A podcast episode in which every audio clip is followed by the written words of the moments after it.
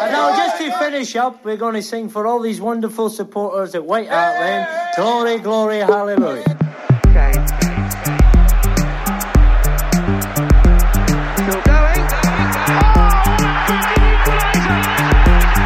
The local lad, the Tottenham fan, the remarkable story of Harry Kane's season.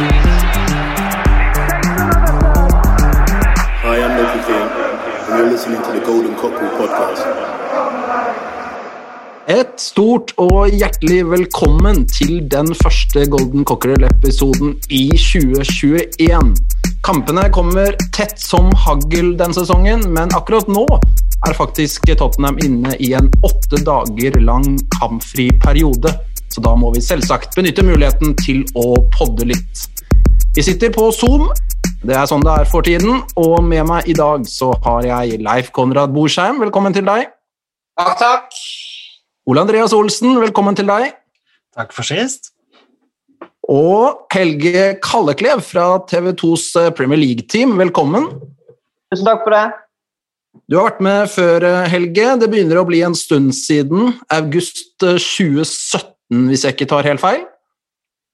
Ja, det tror jeg på, hvis du sier det. Det husker jeg noen år siden. Ja, Det var vel den sesongen de skulle spille på Wembley, så det gir mening, det. 17-18-sesongen der. Mm.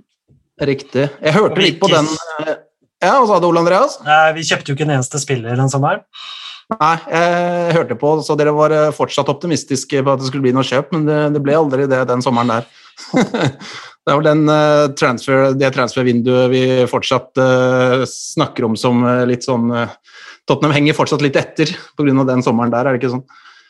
Men jeg hørte litt på den episoden i forkant av dagens innspilling, Helge, og da var det litt usikkerhet rundt eh, navnet ditt. Eh, Helge Johan Kalleklev er greit, men så er det et Petersen inni der. Men du har trodd at du heter Pettersen hele livet.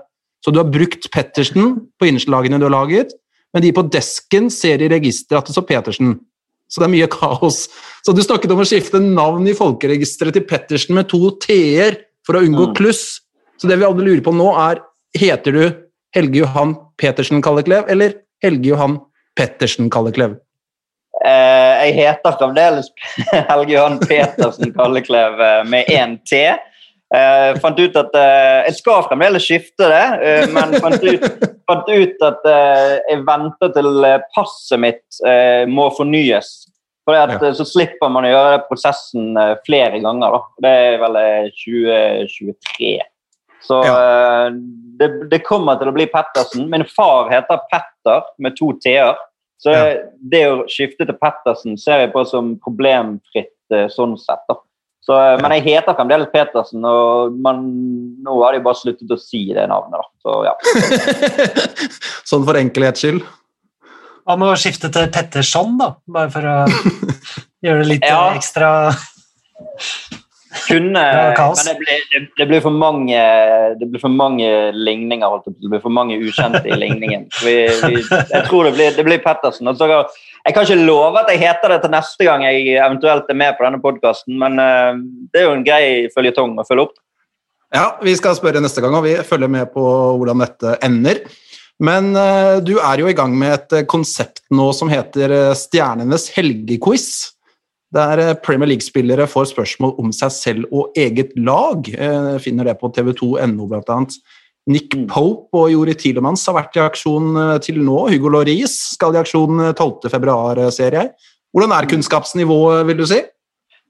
Det er, det er litt varierende, det kan jeg jo si med en gang. Men generelt så føler jeg at spillerne har imponert mer enn de har skuffet. Jeg eh, trodde kanskje de skulle ha litt svakere eh, score enn det de har hatt. Både Tielemanns og Pope eh, lå seg vel på rundt 20 poeng av 30 mulige, og det syns jeg er ganske bra. for det, Mm. det er en del sånne der, litt sånn detaljerte spørsmål der og sånn. og eh, egentlig jevnt over imponert over de da. Um, det ligger forresten på Sumo altså Det er gratis på Sumo. da. Det, man trenger ikke Sumo-konto for å se det. Du kan bare registrere en Sumo-konto uten å Mm. betale noe, og så får du tilgang til det som heter Sumo Fri for å se bl.a. dette programmet. Så det kan jeg anbefale for de som, som er der. Eh, jeg kan jo si så mye som at den Loris er jo spilt inn. De fleste av de som ligger der, er allerede spilt inn.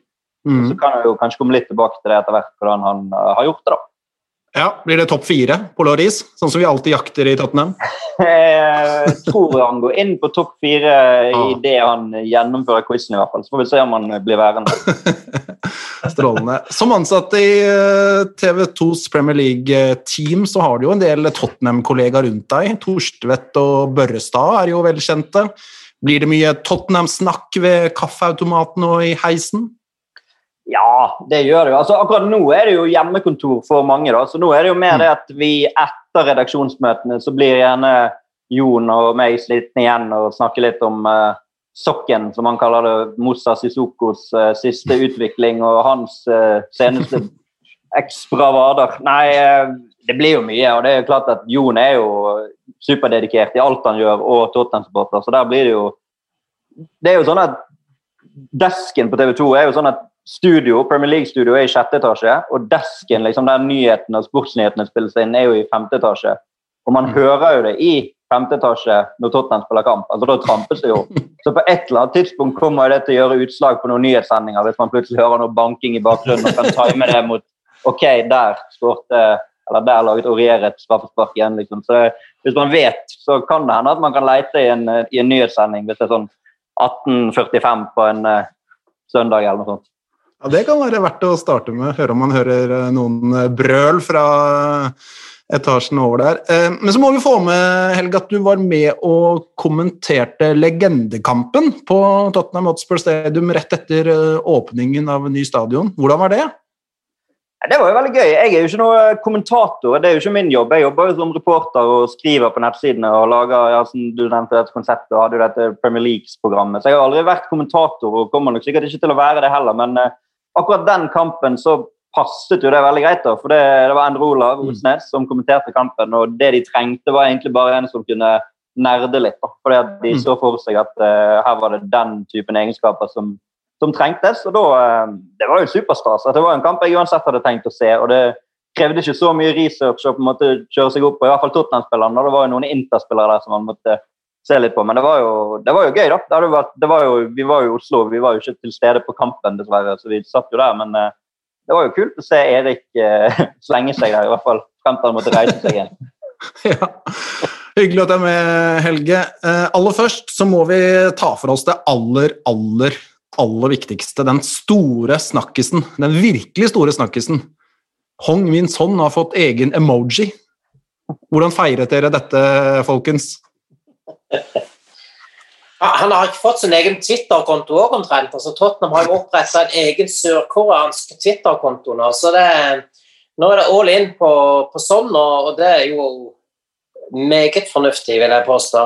Og det er vel et godt tegn på at det er en ny kontrakt rett rundt hjørnet. Jeg hadde aldri satt i gang alt dette hvis ikke, hvis ikke det var en kontrakt. Nå er det vel ikke Tottenham som har lagd emojiene, kanskje, men eh, Men eh, ja, nei, spennende.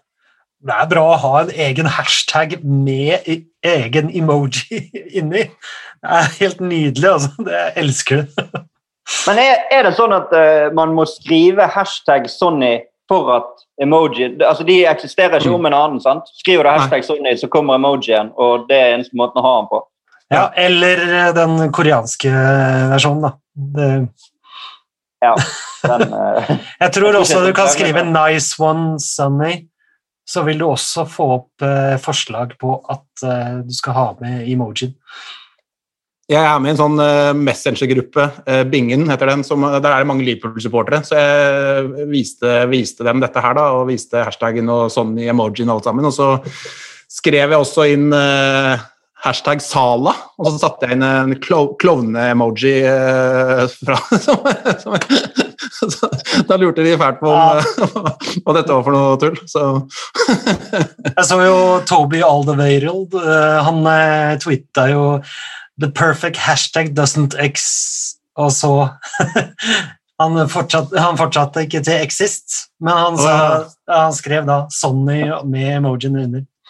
Ja, Toby, Toby Alderweireld er jo voldsom på å, å få folk til å tegne bilder av seg for tiden. Det er jo det han driver med. Jeg vet ikke hva han har liksom Det er sånn Hver, hver dag så er det nye sånn, noen som kan tegne dette bildet. og Det er jo det er mange, mange flinke folk der ute. da. Utrolig mange flinke som tegner. Jeg vet ikke om Han har jo Ja. tatt eh, profilbilde en de, fra en av de tegningene.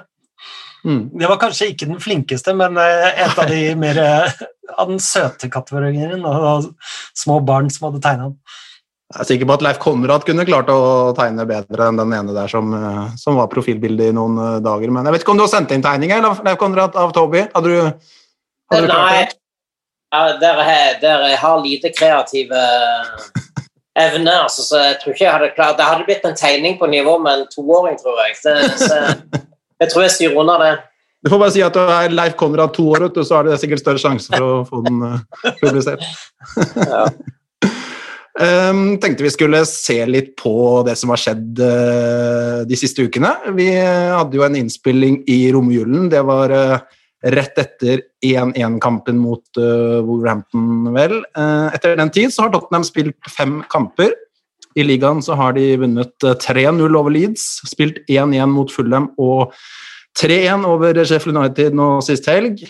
Marine ble slått 5-0 i FA-cupen, mens Brentford ble slått 2-0 i ligacup-semifinalen. Eh, hva tenker vi? Hva tenker du, Leif Konrad? Er det tommel opp? Er det tommel ned? Er det tommel litt sånn til sida, eller hva? Resultatmessig så er det vel eh, omtrent som forventa, er det ikke det, jeg? Men strengt tatt så burde vi kanskje hatt full pott, men, men det er jo ikke noe å si på dette resultatmessig i det hele tatt, eh, selv om det er et ganske enkelt program. Men jeg, ja, jeg er jo tilbake til min kjepphest hele veien, at jeg syns jo ikke det er veldig underholdende å se på hele veien, da, selv om at vi har skåret eh, ja, vi har skåret 14 mål på disse kampene, fem kampene. Mm. Så, så det er ikke noe å se på uttellingen heller, men det, men det er et eller annet litt sånn traust over, over det. Men, eh, men for alt i verden, dette, dette hvis, vi, hvis vi fortsetter med sånne resultat, så kan vi ikke klage på noe som helst. Ole Andreas, det var, du trenger ikke å rekke opp hånda her, Ole Andreas. Her kan du bare jeg da, jeg så jo eh, en eller annen sånn stats eh, Twitter-konto uh, twitta at vi hadde tre tap på de siste 30 kampene. Mm. Så uh, ja uh, Nei, det er, det er ikke så mange som klager så lenge vi vinner, men eh, det er klart, når vi eh, Når vi hadde den rekka med, med Crystal Palace eh, Liverpool og Leicester, ikke minst. Mm. Da, da var det mørkt, altså. Da var det, da var det godt man kunne spise julemat, for det var, det var, det var ikke gøy. Ja. Nei, jeg tenker tenker, det jeg tenker at det er på en måte naturlig at ting kan gå litt tregt da, i en periode når det er så utrolig mange kamper, og de har belaget seg på så mange av de samme spillerne. altså At Kane og Son skal være fantastiske hele tiden, tre ganger i uken, tror jeg er urealistisk. da. Og, og når ting ikke flyter helt, så, så har de liksom ikke noe sånn de har ikke det der grunnspillet å falle tilbake på som man alltid kan belage seg på at vil fungere, dessverre, sånn som det er. Men, men at de, de klarer å Den Marine-kampen er jo på en måte, den kan ses litt vekk ifra, men de, de slår Brentford kontrollert, selv om det var en liten periode der det kanskje så ut de skulle rote det der òg. Men å vinne de to kampene de vinner i Premier League, og så er det den Fulham-kampen andre omgang der som er veldig skuffende. og den er jo på en måte det kommer litt an på hvilke øyne man velger å se på det med. Sant? For det, det, det er en sånn definerende periode for de der eh, Mourinho-motpolene eh, som enten vurderer han for at han tar, tar faktisk syv poeng på tre kamper. og det Selv om det er mot tre relativt dårlige lag, så er syv poeng på tre kamper i Premier League er bra. da. De, de spiller tross alt en bortekamp mot Sheffield United som nettopp har vunnet en kamp. Det er en ganske stor forskjell på å møte Sheffield United for en måned siden da, og vinner eh, relativt kontrollert, hvis det går an å si. Mm. Nok en gang så får man den følelsen når det blir 1-2 der at skal det ryke igjen. Men i og med at den 3-1-skåringen kom til kjapt etterpå, så rakk du på en måte egentlig ikke å få den følelsen. Og syns i hvert fall jeg i den kampen at så lenge det 2-3-1-målet kom med en gang, så var det liksom ok, dette går greit igjen. Og da er det sånn alle kamper skal på en måte vinnes, og Mourinho er det noen som måles på resultater, så er det jo han. Og når du da sikrer en finaleplass og du tar syv av ni poeng i Premier League, så tenker jeg i hvert fall at isolert sett den perioden som du nevnte nå, kan man ikke være så mye annet enn fornøyd med, da. Tenker jeg. Selv om jeg gjerne skulle hatt ni poeng, for all del. altså Skulle gjerne vunnet over Fulham også og, og hatt 35 poeng i tre, i stedet for 33, og vært, da hadde det vel vært nummer to på tabellen. Så det, Men, men sånn har jo alle lagene. Og sånn har jo Tottenham hatt det nå. Hadde de bare det, og hadde de bare det. Mm. Da hadde de bare det. Hvis Tottenham hadde bare det og tatt de ti, hvis Tottenham hadde tatt de ti poengene ekstra, så hadde de ledet serien med seks poeng. sant? Og Er det realistisk? liksom? Er det der man forventer at Tottenham skal være? Da mener jeg at du har et litt urealistisk bilde av hvor Tottenham skal være. da. Så Mm. ja, Det blir litt sånn Det er en veldig rar sesong, og klarer du å gå gjennom eh, tøffe perioder med å få med deg resultater, så tror jeg du skal være veldig fornøyd. da. Og så er det klart at akkurat disse kampene, ikke de vanskeligste kampene, Tar vi syv poeng på de neste tre, er jo man åpenbart mye mer fornøyd. For det er der er motstanden tøffere. sant? Men ja, Det ble et veldig langt svar, men det, det får du tåle.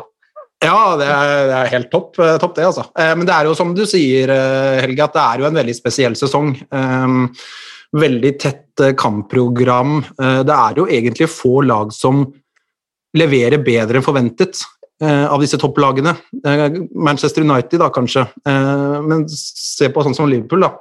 Eh, Det er, det er mange lag som merker det hardkjøret. Eh, og, og som du sier, altså, hadde bare Tottenham det, hadde bare Tottenham det, men det tror jeg egentlig stort sett alle lagene tenker. Eh, kanskje litt med unntak av United, som sagt. De, de, har, eh, de har levert bra, i hvert fall nå eh, etter den litt treige starten. Så, men de henger jo med, da, eh, tabellmessig. Altså, de er jo i posisjon, og, og eh, skulle de ta, ta bra med poeng fremover, så har de jo alle muligheter, i hvert fall.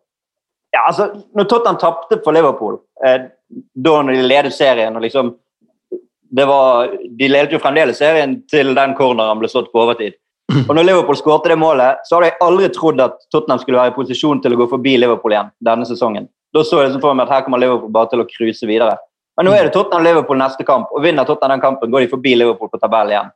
Ja. Hvis du hadde sagt til meg når som helst denne sesongen at Tottenham kunne vært foran Liverpool etter å ha møtt de to ganger, da hadde jeg tatt det. Nesten uavhengig av uh, hva du hadde gitt meg som andre forutsetninger for det. da. Så resultatmessig er jo, er jo Tottenham med. Og så sier jeg ikke at det, ikke jeg ville gjerne hatt flere poeng, og det hadde vi jo teorien i hermetegn fortjent, ut ifra en del av de kampene som har vært spilt. Men som du sa, sånn har alle lagene det. Så Mm. det blir spennende. De neste Jeg tenker på en måte sånn ut Nå, nå er det om å gjøre å bli ferdig med den januar-greien. Alt av spekulasjoner og på overganger det kommer vi tilbake til senere.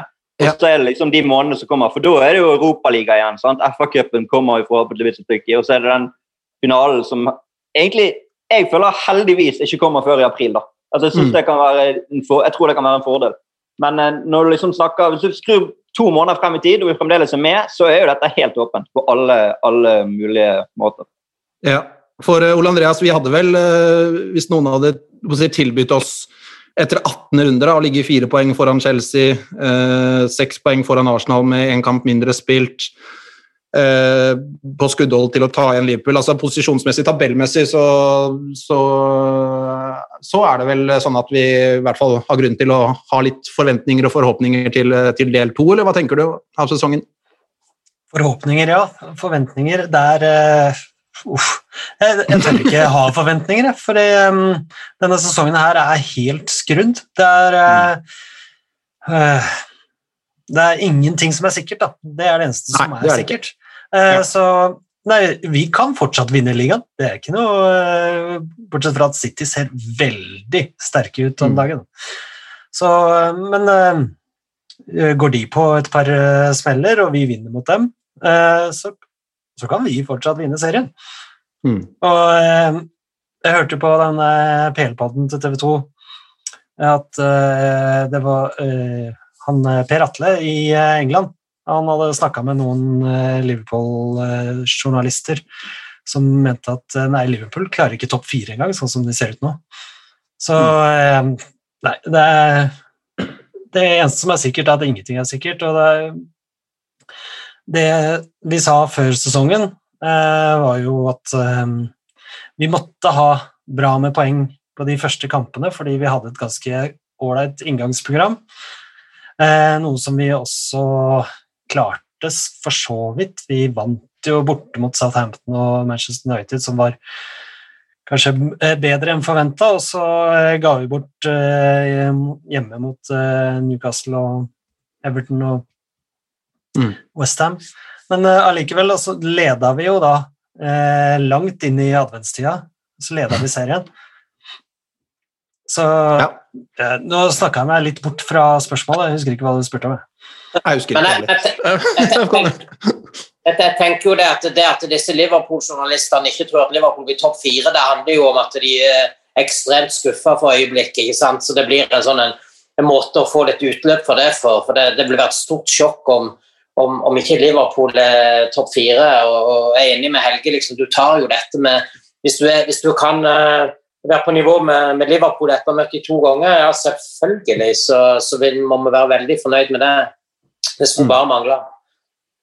Mm. Men altså, det er klart, vi sitter, her, vi, sitter og snakker om at Tottenham kan vinne ligaen, men Tottenham kan jo også bli nummer syv, uten at det er noe sånn supersjokk, sånn som tabellen ser ut nå. Sant? For det er jo det er helt åpent. da. Så det er liksom eh, Men det, det, de har en trener som har en resultatorientert tilnærming til ting, og foreløpig, i hvert fall mot de beste lagene, har jo gjort det bra denne sesongen. Og så tipper jeg at eh, det kommer bortekamper mot eh, mot både Newcastle, Westham, Leicester, Everton. Kamper som vi Fulham, som de kommer til å være enormt revansjesugne i. Mm. Som i utgangspunktet er jo tøffere borte enn hjemme, men kanskje for Tottenham kan det være bedre å spille borte enn hjemme mot dem. Så det er, sånn, ja, det, det er så mange variabler som skal til i løpet av de neste månedene at man må rett og slett bare tror ikke du kan konkludere med ting, i hvert fall. Da. Det er jo en populær ting, i hvert fall, det er jo i vår bransje også, at uh, man avskriver og man uh, Nei, de er sjanseløse. Og nei, nå er City så langt bak at dette kan de aldri gå. Og nei, nå er jo plutselig City fantastisk igjen. Og United etter, etter en måned sant? Nei, dette kan jo aldri gå. Og Hvis Solskjær er på nedre halvdel eh, til jul, så ryker han. Sant? Og så leder de serien. sant? Så det, det er jo som Ja. Nei, det, det er for mange ting, rett og slett. Så jeg tror det må, må ha litt is i magen og så prøve å ta en, eh, en runde om gangen, rett og slett. Og ja. Ja. Men det, det handler jo mye om å hvis man klarer å, Det er jo en så jevn sesong, og, og alle lag avgir såpass med poengene at hvis man klarer å sy sammen en rekke nå med, med mange poeng på, på noen kamper, så er man jo plutselig helt der oppe. Så det er jo, det er jo en sesong hvor, som du sier, Tottenham eh, kan sikkert bli alt mellom nummer én og, og syv. Jeg, kan, jeg kunne nesten gått lavere enn en syv også. Det er jo en sesong hvor alt kan skje. Men eh, samtidig så, så føler jeg at det er altså City ser sterke ut nå, men det er jo fire-fem lag, seks nei, Mange lag som kan vinne ligaen sesongen her. Det er jo halvspilt liga nå, og det skiller jo seks poeng mellom de syv øverste lagene, så det ja, jeg henger meg på Ole Andreas. Det eneste som er sikkert, er at, eh, at alt er usikkert. Dette er en vanskelig sesong å, å tjene penger på oddsen hvis man skal spille Premier League-fotball. Eh, men hva er, det, hva er det vi er mest fornøyd med til nå denne sesongen? her da? Hvis vi skal ta tak i eh, litt sånn konkrete ting som vi er happy med. Ja, men Andreas, du, kan du trenger ikke å Jeg, jeg pekte på Helge! Jeg, eh, disse, jeg, jeg vant at det bare, Når jeg har disse quizene på TV 2, så er det også Zoom vi bruker, men da er jeg vant at det bare er to personer. Så det er aldri noe kluss med hvem som skal svare. Sant? Enten så, så er det jeg som har sagt noe, og så svarer Loris, og så er det min tur igjen etterpå. Så, nei da. Eh, det, det, altså det, det man må være mest fornøyd med, må jo være denne Kane-Son-linken, som er historisk sterk i Premier League. Da. Det er jo, Mm. Og Kane som playmaker eh, isolert sett, kanskje, da, hvis du skal, hvis du skal peke på én konkret ting. Altså, han han skårer like mye mål som han har gjort, kanskje til og med mer. Tolv mål på 18 kamper er jo ekstremt bra. eh, og har i tillegg like mange målgivende pasninger. Jeg trodde aldri han skulle bli den type spiller. De første gangene han begynte å skulle liksom ikke være den som lå øverst, så, så var det sånn Nei, dette må han bare slutte med. Han må komme seg vekk fra den posisjonen. liksom. Så, så det er jo på en måte, syns jeg, det åpenbare å trekke frem som positivt. da. Mm. Ole Andreas? Jeg eh, vil slenge inn eh, en doble sin, eh, sin revival også. At han har eh, virkelig kommet seg opp eh, denne sesongen, er helt nydelig å se. Spesielt Mm. den siste kampen her. Altså, det, var, det var så gøy. Bare gi Man satt og smilte med en gang han fikk ballen. Hva, er det som skjer? Ja, nei, det, Ja, det, er, det det er jo som å se en mellom... Unnskyld. Det er jo som å se en mellomting mellom Sonja Hennie og Mike Tyson og Luka Modric utpå der omtrent. Det er jo, det er jo kunst. eh, var kunst. kunst. Leif Konrad, hva er du mest fornøyd med til nå? Ja, nei, så jeg tenker det, det, det er jo det viktigste er jo sagt her. Jeg syns jo Høibjerg har òg levert eh, bedre enn eh, kanskje forventa. Selv om jeg hadde, jeg hadde store forventninger til han ut ifra det som han eh, leverte i, i SO15 forrige sesong. Men, men, eh, men jeg må jo si det at den poengfangsten er jo egentlig eh, den, den, den, eh, den syns jeg egentlig er ganske imponerende, altså. Eh, Så, det, så at, vi, at vi henger med der oppe, eh, er veldig bra. Mm. Og ikke minst en ligacupfinale, selvfølgelig. En cupfinale igjen er jo alltid gøy. For de har vel tre tap til nå i ligaen. Men det som jo trekker inntrykket ned, da, det er jo alle disse uavgjortkampene som de skulle vunnet. Eh, Lars Peder. Det koster Ja. Ja, nå har du spurt oss om hva som var det mest positive. Det må ikke du komme med alt det negative, Da må du også komme oh, ja. med positivt. Skal jeg være positiv òg? Ja, men det ble Jeg hadde jo egentlig Det ble jo sagt fire spillere her, da. Mm. da skal jeg prøve å komme med noe nytt da, og være litt kreativ. Nå ble jo de fire spillerne som jeg syns har skilt seg ut, eh, tatt her, men eh, hvis jeg skal være litt sånn eh, litt, eh, litt sær, da eh, jeg syns det har vært egentlig litt gøy å se Rodon i, i de kampene han har fått muligheten, og nå spesielt sist mot Sheffield United. Jeg syns han var positiv, og fikk litt følelsen at han kan bli, han kan bli veldig bra. Og i hvert fall med tanke på at det er jo en posisjon hvor jeg syns Tottenham sliter fælt med å, med å etablere et stoppepar, og det er en posisjon hvor mange har fått mange muligheter, da, men det er egentlig ingen som griper den helt. Og, og hvis han kan komme inn nå og, og, ta nivået og levere der, så, så er det jo ingenting som er bedre enn det. Så jeg, eh, hvis jeg skal være litt sånn eh, litt smal og sær, så, så trekker jeg frem eh, han, jeg tror jeg. Men, det interessante syns jeg egentlig er at, at vi, vi, altså han, eh, altså vi bruker veldig få spillere, egentlig. Men, og spesielt offensivt så er det de samme spillerne som går igjen hele veien. Eh, Vi kan kanskje snakke litt senere om det, om det, om det, om det blir for mye for, eh, for enkelte spillere. Men i Forsvaret der har vi klart å, å å fordele ut kampene ganske jevnt mellom ganske mange. sånn at Der er det mange som har fått spilletid, og det er mange som har fått sjanse til hvile. Og Det er kanskje den posisjonen der du ja, ja, så er du vekk fra bekkene, så, men fall som stoppere så er det jo kanskje viktigere å etablere et trygt eh, stopperpar. Men han har slitt med å finne det der eh, Mm. stopperparet, og for så vidt eh, formasjonen bak òg. Det eneste jeg har å utsette på Roden, da. Jeg har også vært imponert over hans eh, defensive egenskaper, men han er ikke, han er ikke så flink på å avlevere ball, eh, og han er ikke kjapp, han heller. Nei, Jeg blir ikke helt klok på den farten hans. For jeg synes han eh, i et par ganger mot Sheffield United så så han ut som uh, lynet selv, men så var det én uh, full galopp der uh, hjemover i andre omgang Uh, ja, mot Sheffield United. Der så han ut som jeg tror eh, alle vi kunne slått han i den spurten der. Da så han ikke spesielt rask ut, så eh, Nei, jeg vet ikke. Eh, men nå, nå markerer Ole Andreas at vi må ta en pause her, så vi tar en jingle, gjør vi ikke det? Vi tar en jingle. Hi, this is Graham Roberts, and I'm listening to the Golden Cockerel podcast. Sånn, eh, Vi har sånn gratisversjon av Zoom, så det er maks 40 minutter i slengen. Derfor måtte vi legge inn en jingle mens vi logget inn på nytt. Eh, Vi snakket om hva vi var mest fornøyd med. Eh, Noen som har eh, kommet på noe mer de har lyst til å flette inn mens vi hadde jingle? Jeg kan jo eh, Nei, ja, vær så god. Det var Ja, nei, jeg bare, jeg bare tenker, det, det er jo Tottenham, da, men det er jo litt sånt uh, allikevel. Det, det, det er en del unge spillere som, eh, som gjør det godt på, på, på juniorlag eller ute på lån, som, eh, som vitner om at vi kan ha, vi har en veldig bra framtid. Og da tenker jeg eh, spesielt på, på Dane Scarlett, nå, som eh, herjer på på, på juniorlaget skåret vel fem mål nå i, i uh, FA-cupen, FA Youth Cup, eh, og fikk vel debuten i Europa òg her, og, og ser jo stor og sterk ut og ser uh, meget bra ut. Og, og ikke minst uh, Oliver Skip, da, som, uh, Mm. som Mourinho vel sa at han egentlig sånt egoistisk sett hadde lyst til å hente tilbake igjen nå. Eh, men, men fordi at han hadde den posisjonen og, og den utviklingen han hadde nå i Norwich, så var det mest fornuftig for både han og, litt mer langsiktig at han ble i, i, i Norwich da. Men, men det er en spiller som jeg har enorme forventninger til så, i året som kommer. Ja.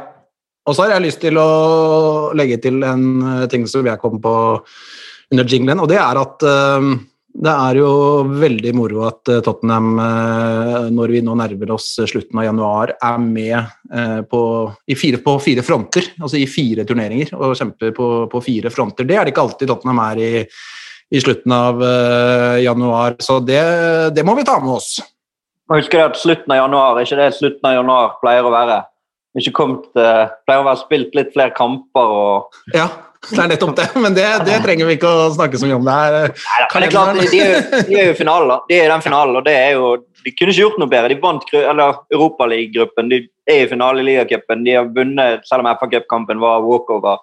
Og de er med i, i toppen av Premier League, så selv om poengmessig så er jo det De har 36 poeng. Nei, 33 var det. 36 hvis de vinner, så de kan ha 36 halvveis. For det er jo det er jo mer enn de hadde forrige sesong, da. Og da var jo det en skuffende start. Men det er jo mindre enn de hadde i sesongen før der, f.eks. Da var jo de nummer to etter, når det var halvveis sesong. Da var det jo Liverpool hadde vel de hadde vel over 50, men Tottenham hadde vel 45 poeng tror jeg, på det tidspunktet i 18-19-sesongen. da. Så sånn, Poengmessig så er det jo ikke sånn helt enormt, men de er helt med, og det er en annerledes sesong. og, og det, må Mm. være, det må være bra. Ja. Og hvis vi ser på FA-cuptrekningen videre også, Europaligatrekningen, eh, så er det jo lov å håpe litt at, eh, at de skal kunne bite bra fra seg eh, i de cupene også, i tillegg til ligacupfinalen som de allerede er i. Så det går eh, Det er lyse, lyse fine tider eh, på gang nå, folkens. Kan du eh, minne meg på hvem vi møter i Europaligaen? Det husker ikke jeg, for det er Wolfsberger. Wolfsberger. Ja. Ja. Østerrike. Mm. ja, Ja. det er det. Så det var vel en, en god trykning, det. Men, men vi skal jo borte mot Everton eh, hvis ting går uh, som eh, normalt, Mm. hadde vi sagt. Eh, det blir jo ikke lett, det. Men det hadde jo vært moro å slått ut hele Merseyside på vei til en FA-cupfinale. begynte med Marin, og så tar vi Everton og kanskje òg Liverpool på veien. Da hadde det vært strålende. Ja, Everton er jo ikke noe enkelt, men eh, samtidig tenker jeg at eh, man må jo slå ut et sånt lag hvis man skal vinne FA-cupen. Det er ikke det verste man kan få. Jeg tror ikke Tottenham skal klage på trekninga denne sesongen. Nei, den, den første kampen, Wickham, er vel, blir han spilt? Er det liksom 100% At det blir kamp mot Wickham, eller hvordan er status der nå? Er det noe nytt der nå i det siste? Det hadde vært sykt å gå videre i to cuper samme sesong fordi at ikke motstanderen kan stille lag. Det, det kan jo aldri ha skjedd. Nei, jeg vet ikke. Uh, Nei, jeg har faktisk ikke hørt så er mye om det. usikkert, men uh, aner okay. ikke om det er avgjort uh, altså, det er jo eh, om en uke vi spiller inn på en Ja. tirsdag, eller mandag kappen her. Mandag. Mm. Men ligacupen var vel fram til fjerde runde at du måtte spille Hvis ikke du klarte å stille lag, så, så gikk eh, motstanderen videre. Jeg tror det var noe sånt. Så hvis det er det samme nå i FA-cupen, så må vel Wickham stille et juniorlag i verste fall, eller bare trekke seg. Ja.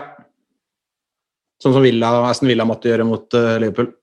De har jo The Beast, altså Adebayo Akinfenwa, som er uh, verdens største fotballspiller. Han, uh, han er jo Liverpool-fett, så han vil sikkert gjøre alt for å sette, hvis, oss på prøve. hvis, hvis Tottenham vinner der, så dekker han inn den Mercyside-kvoten som han har slått ut på veien. Hvis Ja. det blir seier. Eh, hvor ligger Tottenhams eh, problemer, da, eller utfordringer? Eh, hva er dere skuffet over? Innlegg i boks, ja. Enig? så bortsett fra det eh, Nei, det er jo å forsvare seg mot eh. Nei, altså Slutte å slippe inn dumme mål. Det hadde vært fint. Men, men, men, eh, men vi slipper jo ikke inn mye mål. Og, og hvis, hvis problemet vårt er å forsvare seg, som vi jo gjør i 70% av kampene, så, så har vi en utfordring. Jeg tenker Det er jo litt sånn eh, det å stå imot eh, gjennom 90 minutter det er, ganske, det er ganske vanskelig, og da glipper både konsentrasjonen og, og kanskje oppdekning òg enkelte ganger. Da, da får du en, en imot. Så, så jeg syns Torstvedt nå i studio uh, i helga bare stilte spørsmålstegn med om Tottenham har grunnspillet til å kunne dominere kamper og til, ta styringa på kamper. Og Det syns jeg egentlig er et sånn betimelig spørsmål. Liksom, er vi der, eller har vi nå etablert en, en, en spillestil som gjør at vi skal utelukkende gå på kontringer? Nå svarte de jo litt på tiltalen egentlig nå på søndag, da. Uh, men uh, men, mm. men, men, jeg er ikke sånn usikker. Jeg er sånn skuffa over grunnspillet til Tottenham. Mm. Var du skuffet over eh, Ja, unnskyld. Jeg, jeg, jeg, tenker at Mourinho kanskje er litt usikker fremdeles på hvor gode de egentlig er. Altså, hvis, hvis, du, hvis, du, skal spille da, og ikke er god nok til det, så, da blir man jo ekstremt sårbar. Og han har jo en, eh, en veldig sånn nullrisikotilnærming til ting. sant? Altså Hvis du, hvis du prøver å pushe laget høyt med Toby Alderweireld og Eric Dyer som stoppere, så, så, kan det være risikabelt, altså. Og, så, og det, det, har ikke liksom noe å si om motstanden er full av og er elendig da. For jeg, har du eh, Ademola Luckman som løper bak, så er jo det minst risikofylte å ikke pushe opp, da. Men så klart at det føles veldig passivt, og i hvert fall i Tottenham, der det mottoet man har, og det er jo liksom stikk i strid med ting. og det er jo liksom kjernen i hele problemet med Mourinho som manager, er jo at det, i utgangspunktet er matchen dårlig. da. Så, så, lenge han ikke får resultater hele veien, så vil det være kritiske røster. Eller det vil til og med være kritiske røster når han får resultater. Men at mm. han, altså han har jo en sånn jeg ser det i hvert fall, en tilnærming til hver eneste kamp som er litt forskjellig. Altså Basert på hvordan motstanderne gjør det, så prøver han å gjøre det best mulig ut ifra det mannskapet vi har tilgjengelig. Og Da tror jeg også at det påvirker det å skulle ha et grunnspill i bunn på samme måte som en del av de andre lagene har. da. Og Mm. Akkurat denne sesongen her så kan det godt hende at det kan være en fordel, nesten. Fordi at Så lenge du klarer å matche motstanderne på det som de er gode på, og matche de individuelt i hver eneste kamp Det er klart at de har fått noen resultater som har vært svake, men, men jevnt over så har det vært ganske bra. da. Og så er det jo en sårbarhet der. da. Fordi det, det skal ikke så mye til for at det blir ganske svakt. Sånn som den eh, perioden som Ole Andreas nevnte tidligere med Leicester, Wolves og Liverpool. Var, da var det ganske mørkt. da. Men selv om du har den perioden, så er de, er de helt med. Så, ja. Ole Andreas? Eh, Jeg glemte hva jeg skulle si. Du satt så ivrig og rakk opp hånda. Ja, men det var Sånn er det. Ja. Nei, men eh, Ja. Men jeg, jeg bare tenker på, hvis, hvis han var litt sånn usikker på, på stopperne sine og, og, den biten der, så burde han ikke adressert det nå i, i, i sommer, da, eh, med å få løst det. Hvis, hvis, hvis, han hadde, hvis han hadde et ønske om å endre på det. Jo, Det, var, det, det, det, det, jeg lurer på, er, har han, har han det ønsket om å gjøre det, eller er dette det som eh, en får av, eh, av eh, Mourinho? Det, og det, det, veldig usikker på det, da. ja, det er vanskelig å vite. da. Altså, det med stoppere virket jo det som den Milan Skrinia-dealen så jo ut han skulle gå helt til liksom, siste dagene av overgangsvinduet, og det ikke gikk. Og så kom Roden i, i stedet, som åpenbart er en helt annen type signering, yngre og har liksom en annen profil. da. Men, Og så ble jo eh, han signert uh, uka etter at det internasjonale overgangsvinduet hadde stengt. Ja. Ja. Så det, jeg tror jo ikke at Mourinho ser for seg Alderfereld skal spille i mange år til. Sant? Men samtidig er Alderfereld og Dyer også er jo spillere som Mourinho elsker og har åpenbart vært interessert i tidligere, og at han vil da prøve å gi dem en sjanse. Jeg synes jo at Strukturmessig synes jeg det så bedre ut nå når de var tre, da, og hadde, at de hadde mer kontroll. Og Jeg er veldig spent på det uttaket mot Liverpool, hvordan de skal matche Liverpool offensivt. Om de, tar sjansen på de samme tre stopperne, eller om eh, Davidson Sanchez kommer inn fordi han har fart. Altså, Tanganga var jo inne og spilte mot Liverpool, og da var jo begrunnelsen he's fast. Det var jo liksom derfor han spilte den kampen. Sant? Så jeg tror jo at man kommer med tre stoppere igjen også mot Liverpool, men det er ikke sikkert det blir de tre som spilte nå i, mot Sheffield United. Nei. Ja, da håper jeg virkelig jo- Toby er tilbake. Altså. Ja. På bekostning av hvem da, tenker du? Eh, da blir det på bekostning av Roden. Mm. Fordi da kommer Dyer i midten, og så Davis Davies på venstre og eh, Aldevereld på høyre. Og så Sanchez. vil jeg gjerne ha altså Regulon er, han er jo en gudegave altså det, med den eh, kapasiteten han har, og farta. Og, og så har han uh, slutta å kaste seg inn i, i taklinger fra eh, 20 meter bak. Det, det er også veldig fint. Så.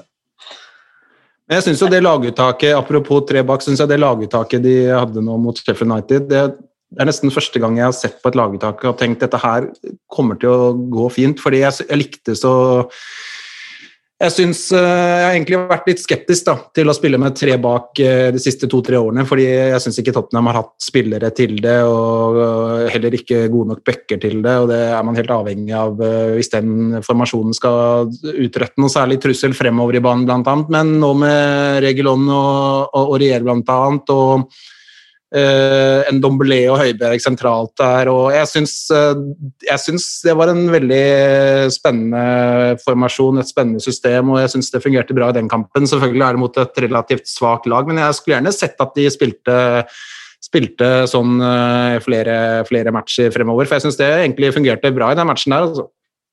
Ja, og så er du tilbake til litt det jeg nevnte, at det er jo veldig satt opp mot Sheffield United. Sant? Altså Mm. de, han vet at Sheffield United, der er det store rom på sidene, og det er liksom bredt i mellomrommet. Altså, det, er de, det er de tingene som deres svakheter er, de prøver han å utnytte. da.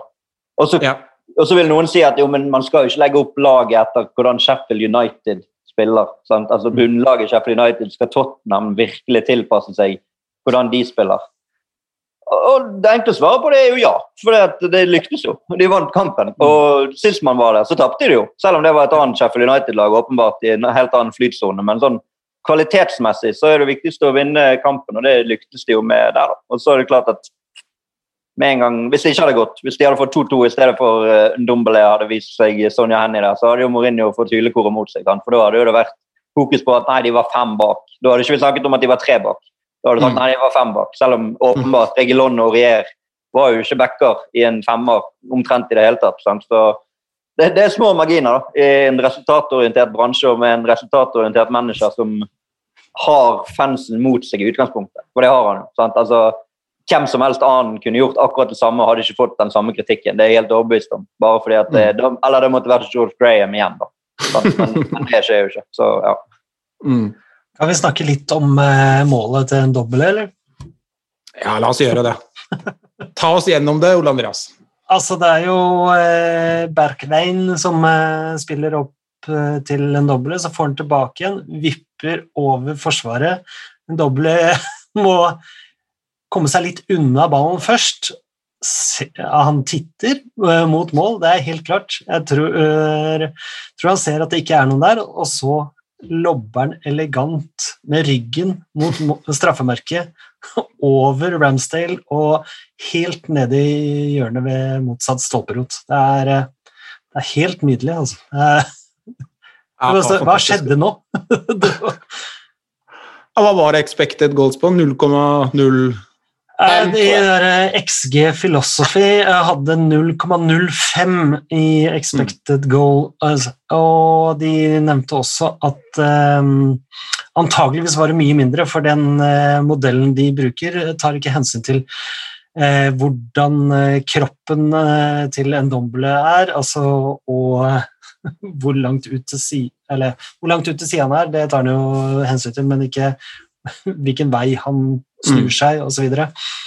Og eh, Morten eh, AG på Twitter som gjorde meg oppmerksom på det. Hva tenkte du, Leif Konrad, da du så det? Hadde du klart dette, klart dette selv? hvis du...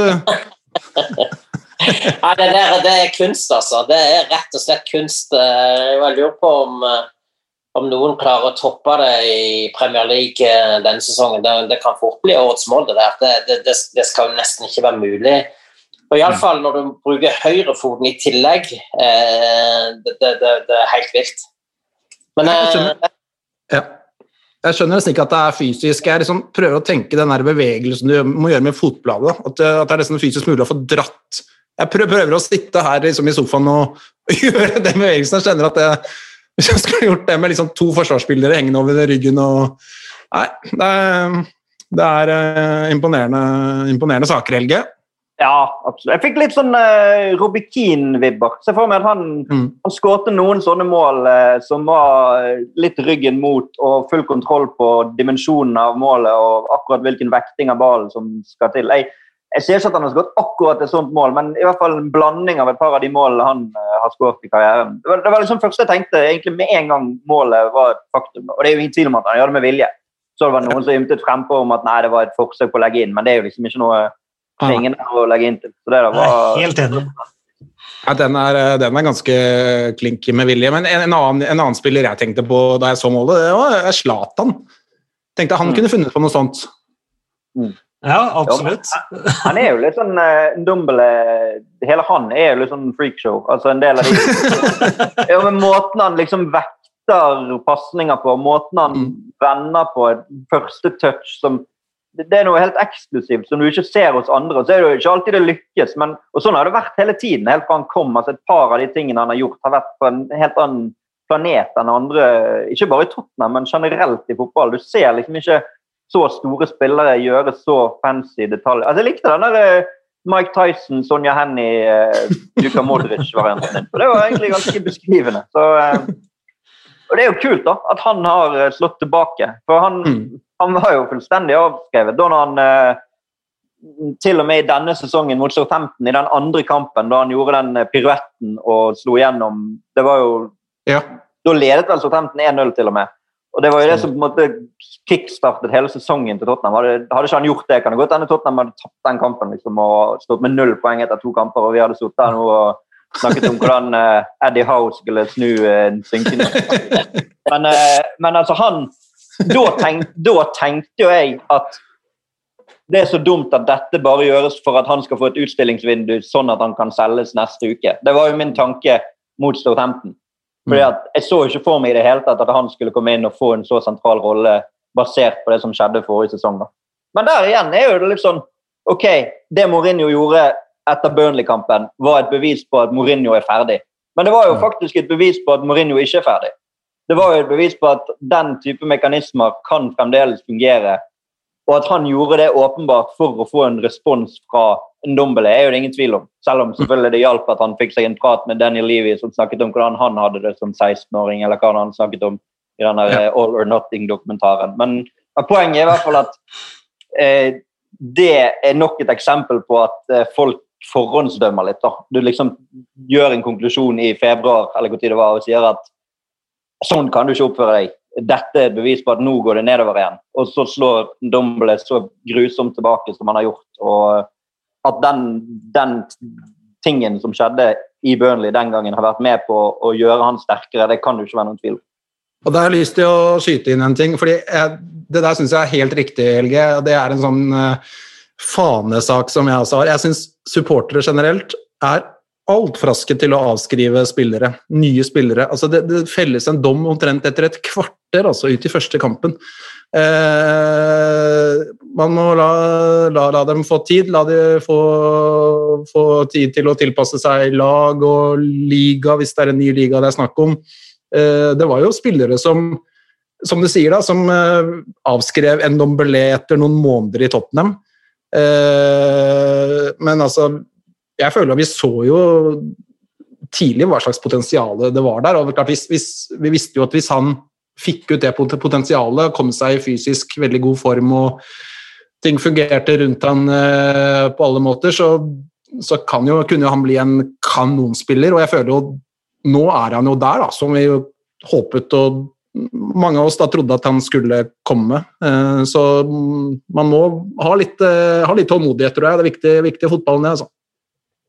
Sissoko kan vi jo slenge inn da. Eh, Sist Ja. gang du var med, Helge, da, da hadde jo Sissoko hatt en eh, ganske grusom første sesong.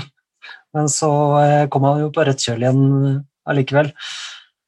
Ja, jeg husker det var en eller annen kamp jeg var på på Wembley. Hva kan det ha vært? Leverkosen, kanskje? Champions League. Der han ble bare opptalt som museless Sissoko og var bare fullstendig avskiltet. Men altså, til og med Young Min Son er jo nesten i den eh, Ja. han Etter første sesongen hans Det var jo snakk om at han skulle vekk igjen, og at dette var ikke, Premier League var ikke noe på han. Og nå eh, har han fått sin egen emoji og er i ferd med å bli en av de aller- aller største liksom, i moderne tid. Så det, nei, det, det er en sånn generelt samfunnsgreie, egentlig. At man vil konkludere og vil avskilte. Så eh, nei, vi får ikke begi oss inn på det, men jeg er helt enig. Eh, Og så er håpet da at eh, en tilsvarende Deli Alli-manøver kan føre til at han kommer tilbake, da. men eh, akkurat nå er det ikke sånn. Nei, hva tenker du, Leif Konrad? Det, kan vi sammenligne de to casene, Ndombele i fjor og Del Alli ja, siste året for så vidt, og nå? Ja, det kan en opplagt gjøre. Eh, og så er spørsmålet om det er rett medisin å gjøre det samme mot begge to, da. Eh, men men eh, Nei, jeg, jeg, jeg, blir, jeg lurer litt på hva som skjer med, med Del Alli, altså. For han får jo eh, veldig lite spilletid, og når han får spilletid, så blir han jo stort sett kåra til vår beste spiller de kampene han har vært. Eh, men, men, eh, men nå var han jo ikke på benken en gang mot Sheffield United. Eh, så, jeg- så, så, så jeg er veldig usikker på, på hva som eh, foregår, om han er på vei vekk. Nå har vel Livi vært ganske tydelig på det, men det, det er mulig at han, eh, at han kan være på vei ut. Nå blir kåra til banens beste mot Marine. Det er Jo, jo, men, men, det er jo de sjansene han får. Liksom, hvor, hvor, skal han, eh, hvor skal han overbevise henne når det er liksom Marine og, og, og eh, Antwerp, eller hvem det nå var han, eh, han eh, får sjansen mot? Det er jo der han får det, og han leverer jo. Jeg syns han, han, han fremstår som en, en, en, en bedre utgave enn det han har vært på, Yes. på lang tid.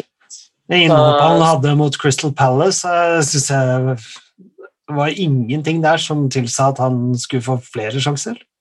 Altså, jeg, Mm. jeg må si det igjen, da. Jeg digger Deli Alli på sitt beste, men det er så- Vi har sett mindre og mindre av det beste av Deli Alli. Og Ja. nå er det på det tide å kutte navlestrengen, syns jeg. Jeg syns det er altfor tidlig å avskrive. Han Det er ikke gamle karen, altså. Eh, så, så jeg er sikker på at vi gjør en kjempetabbe hvis hvis vi lar han gå nå. Altså. Er veldig vanskelig for å se at han blir solgt. Altså han, han har en markedsverdi nå som sannsynligvis er lavere enn noensinne. Altså etter han virkelig ble god. da. Og at Danny Levy som den businessmannen han er, skal selge han nå i januar 2021, det, det klarer ikke jeg å se. Altså Den koronasituasjonen gjør at klubber ikke har råd til å betale mye. Uh, altså Potensielt, hvis du hadde solgt han for tre år siden, så hadde han sikkert kostet 150 millioner uh, pund. Og nå uh, koster han en tredjedel maks.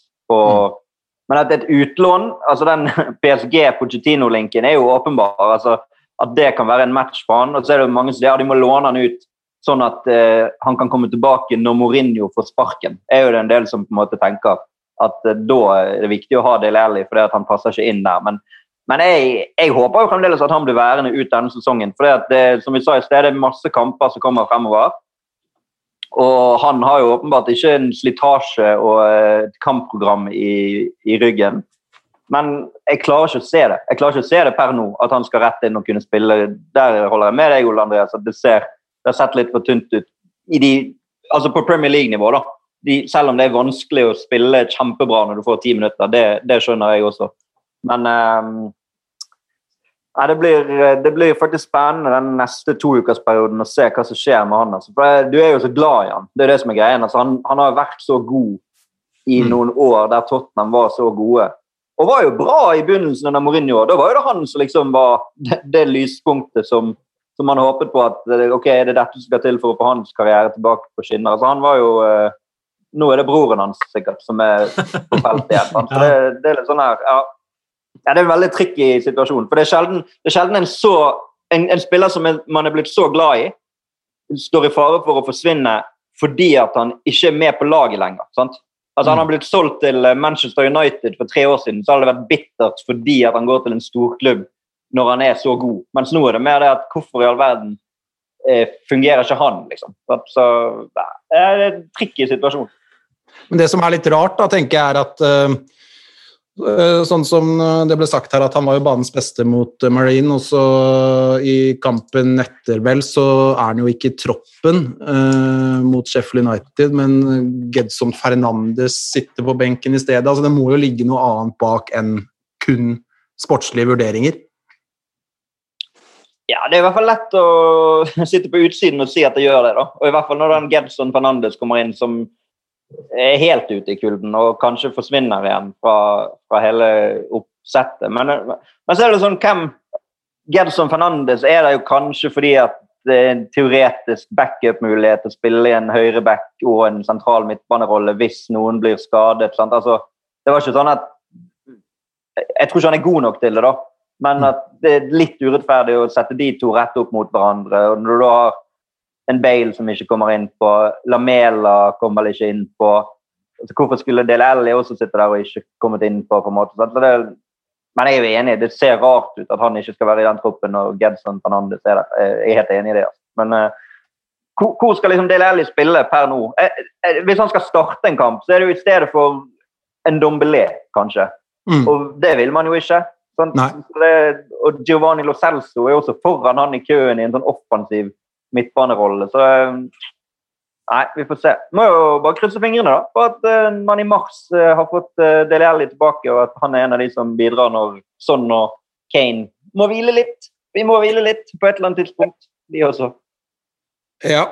Du var innom en spiller.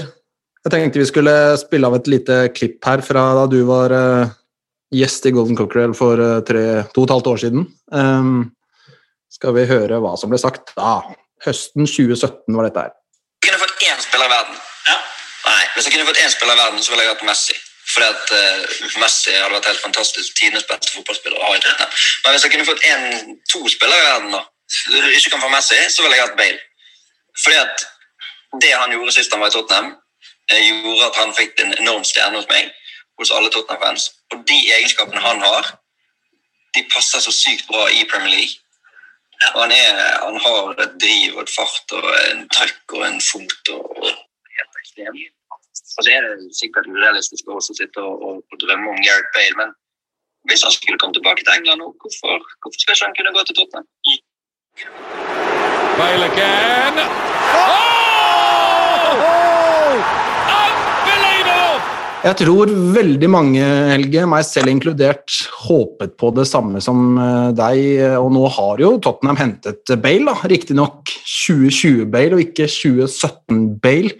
Men hva sitter du igjen med etter hans første halvår i Tottenham?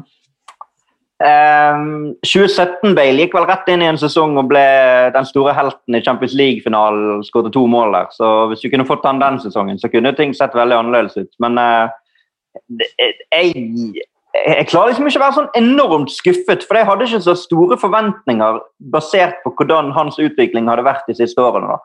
Mm. Og jeg tror at bare det at han er der, har løftet den gruppen noe helt enormt. Bare Ja. hans tilstedeværelse i en spillergruppe viser For det første viser det ambisjon i klubben. Det viser at man kan tiltrekke seg store navn. Og så er han, eh, ikke bare for spillerne, men sikkert for hele klubben og mange av de som jobber der, en fyr som har blitt en verdensstjerne i Tottenham. Og det å få han tilbake Jeg syns det var helt fantastisk nå òg, selv om han ikke var 2017-versjonen og 2020. Altså det, jeg var der i Milano. Jeg var der på White Hart Lane mot Inter hjemme.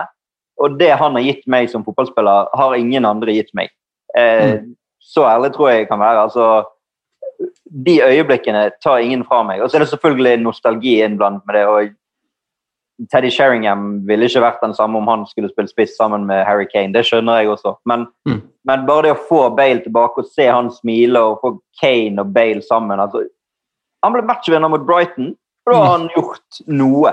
Det er i hvert fall mitt eh, utgangspunkt. Ja, men så enkel kan jeg være. Altså, det, det, det kan nesten ikke karakteriseres som en dårlig avgjørelse å hente han tilbake, bare utelukkende basert på at han har kommet inn og smilt og vært glad igjen. Mm. Og det at han skulle gå inn og være superstjerne fra dag én Han var til og med skadet når han ble hentet, så jeg på som urealistisk hele tiden. Mm. Så har jeg også et håp om at han skal kunne komme mer og mer i det og være en bidragsyter utover sesongen. For uh, han har jo noen kvaliteter fremdeles som er enorme. Men det har jo vært Og så han kom innpå mot Westham der på 3-0. Det så ut som en sånn testimonial-kamp. Han, han sto i ro og prøvde seg på å vende innover i banen. Det, det tror jeg helt seriøst var med på at den kampen ble rotet vekk poeng i. Bare det at han kom innpå og, og liksom man senket seg så voldsomt som han gjorde. Så det var jo en nedtur. Men eh, jeg syns det er fantastisk å ha han der.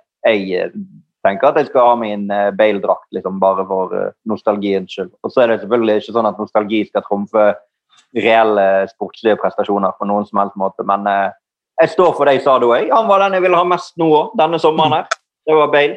Messi nummer én og Bale nummer to. Jeg står for, står for det fremdeles. Ja, det er bra. Dere andre, hva, hva tenker dere? Vi, eh, vi har jo kjøpt uh, Gareth Snail, ikke Gareth Nail. Det er jo, men eh, jeg er enig med Helge. Jeg har, jeg har trua på at han kan, kan eh, være en eh, god bidragsyter eh, herfra og ut. Um, han har jo slitt med, med skader. Altså, han det virker som han ikke tør å trå til sånn ordentlig, sånn som uh, vi så han for to sesonger siden.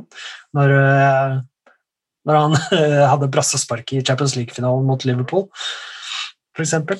Det, det er jo det er ikke så lenge siden det. Så eh, håpet om at vi får se noe av det kaliberet igjen, det, det lever. Mm.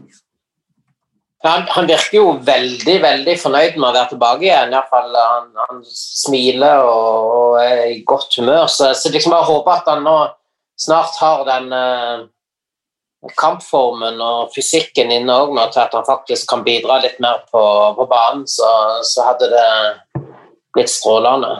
Det er liksom den drømmen å se han og Son og Kane eh, på topp der, og at det faktisk fungerer. Det har han vel for så vidt ikke gjort eh, så langt, da, men han må jo få litt tid til å rett og slett komme seg i, i, i ordentlig form igjen og, og være fysisk i stand til å kunne gjennomføre på, på, på dette nivået etter lang tid ute. Så, så jeg håper òg at han nå virkelig kan bidra den siste halvdelen av sesongen. Kontraargumentet er jo selvfølgelig pengene. Sant? At det har kostet en del, og, og lønnene, og at det er på en måte et argument for at dette har vært en feilaktig vurdering. Men eh, eh, ja, bare det at han er der, er, er så stort at uh, foreløpig så er det ingen Så lenge laget presterer og Bale er der, så har det vært en suksess. Selv om ikke det er han som presterer, syns jeg, da. Ja. Og så er det jo Jeg er veldig enig i det du sier, Helge, at eh, jeg tror bare hans tilstedeværelse, da Nå står vi på utsiden og, og ser jo det vi ser, men um, han virker superfornøyd, og det, jeg har i hvert fall et inntrykk av at hans tilstedeværelse gir veldig mange plusser for hele lag og klubb og miljø og alt sammen. Og jeg tror ikke vi skal undervurdere den biten der. altså fotball, En fotballklubb, et fotballag, er veldig mye mer enn de 90 minuttene søndag klokka tre.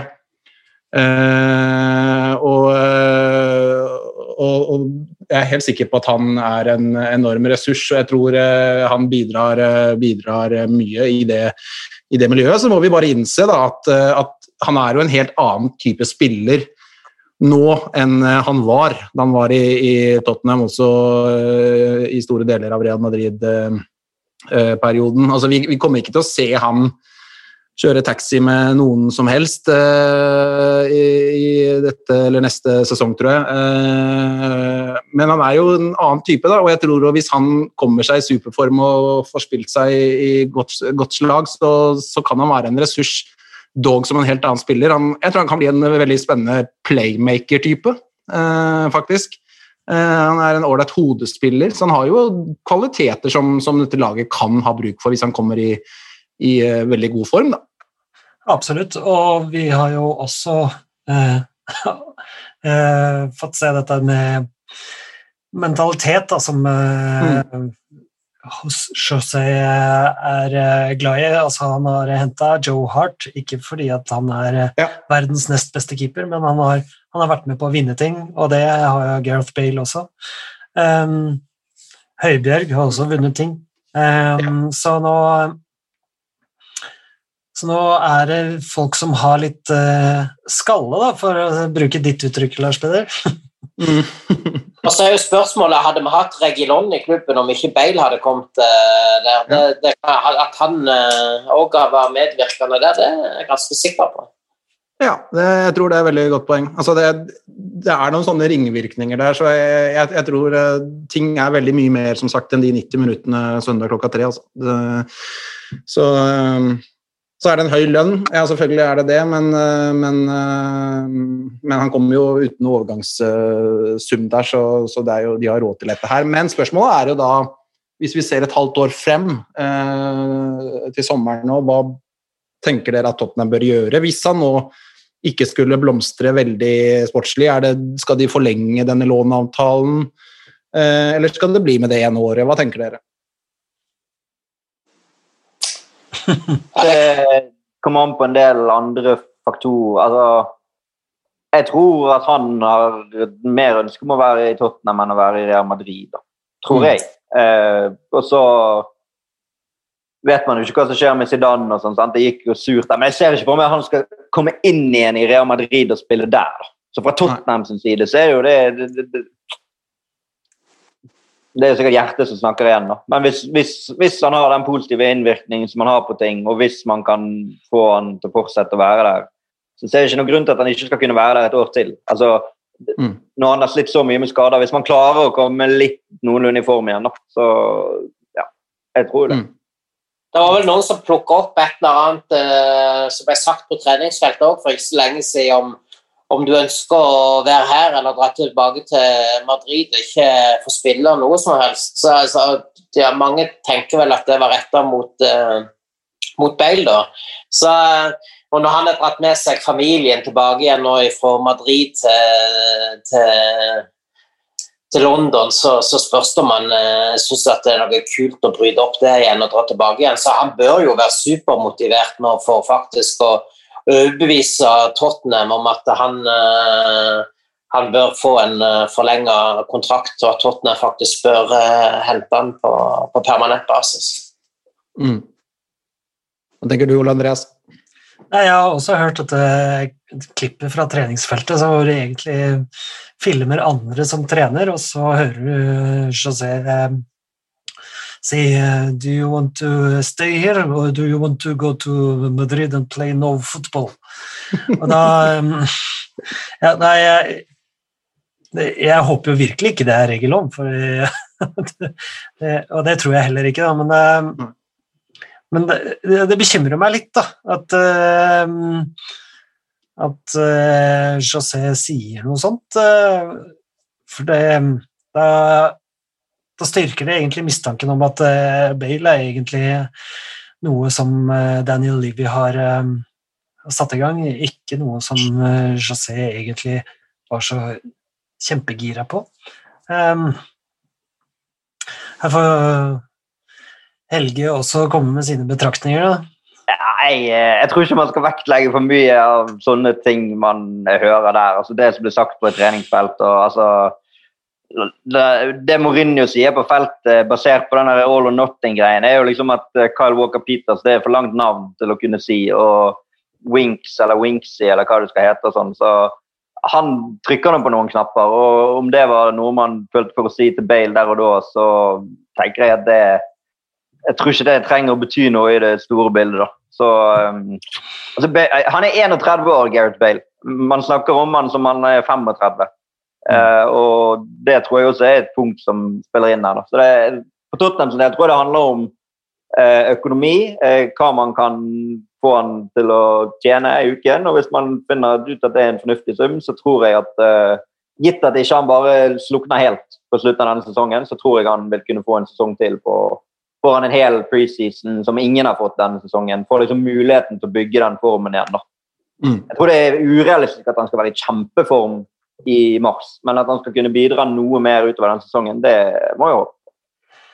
Ja. Jeg ønsker meg mer av disse her eh, innhoppene som mot eh, Brighton, hvor han blir matchvinner, uh, blir viktig, istedenfor at han blir sånn der Ja, en, en, pen, gammel veteranbil som du tar ut, kjører en søndag ettermiddag.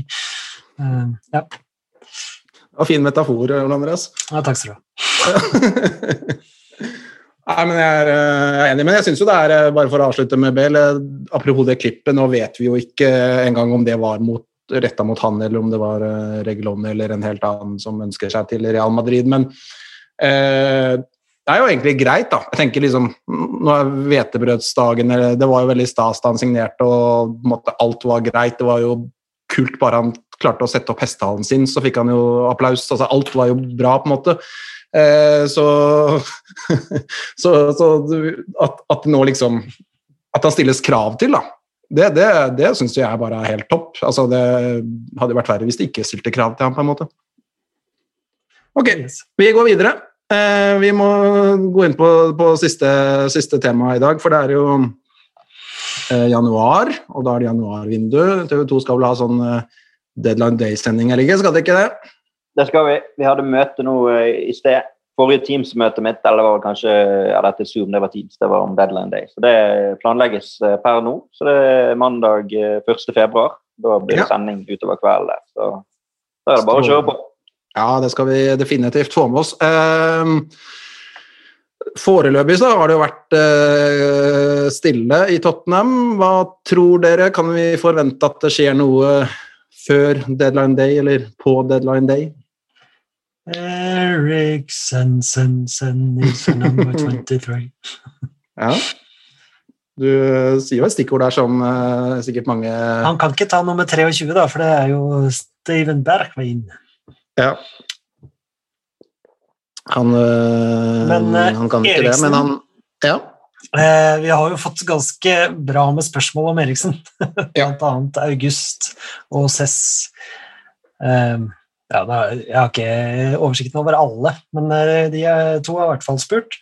Eh, og personlig så har jo jeg et, et romantisk forhold til, til eh, Eriksen, men hvis jeg må være helt ærlig, så er det jo de, de siste to årene Det man har sett av Eriksen da, er ikke Mm. den Eriksen man har lyst til å ha tilbake. Nei. Både det, det siste året i Tottenham og det første året i Inter. Mm. Leif Konrad.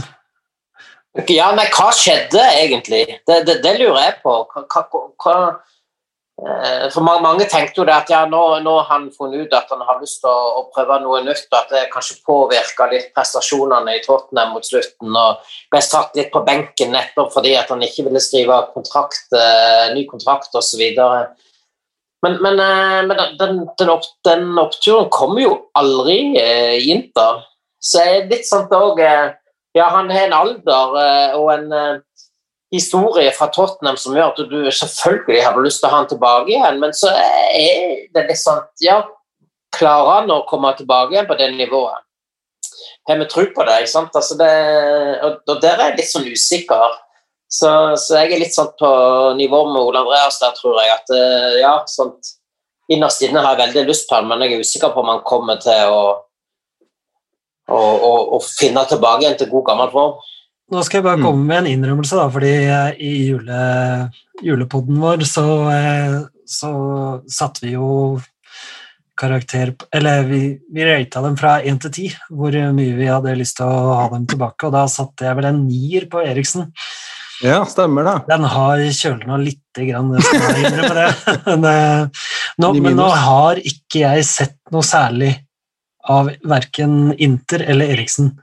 Ehm, de høydepunktene jeg har sett fra Inter, handler jo stort sett om Lukako, eh, fordi at han bøtter inn, ehm, og det er greit, men eh, jeg vet ikke hva slags Eriksen vi får tilbake. Nei. Vet du det, Helge? Hva slags Eriksen Ja, det vet, det vet jeg. jeg. Jeg har eh, latt meg blende av Christian Eriksen. Eh, jeg fulgte jo Danmark under fotball-VM i 2018, så jeg så jo de hver dag på trening.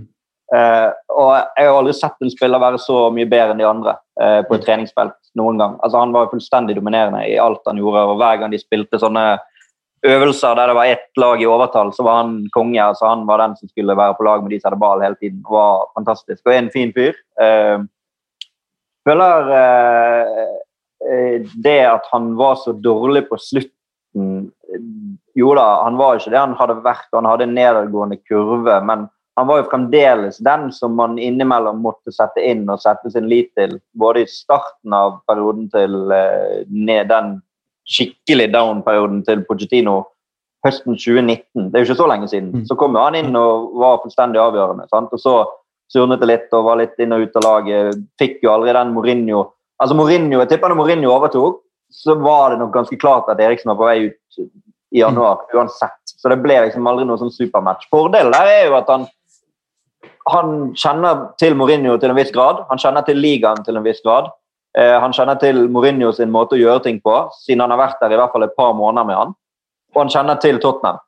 Så det er en veldig liten tilvenningsperiode som skal til. da. Så hvis man skal inn en, en eh, midtbanespiller i januar nå, så det er ikke sikkert vi skal det, men hvis du skal det, så er jo han den logiske spilleren å hente inn som kan gå rett inn og gjøre uten å måtte tilvenne seg, uten å måtte bruke den perioden nå på å tilvenne seg en ny klubb, en ny liga.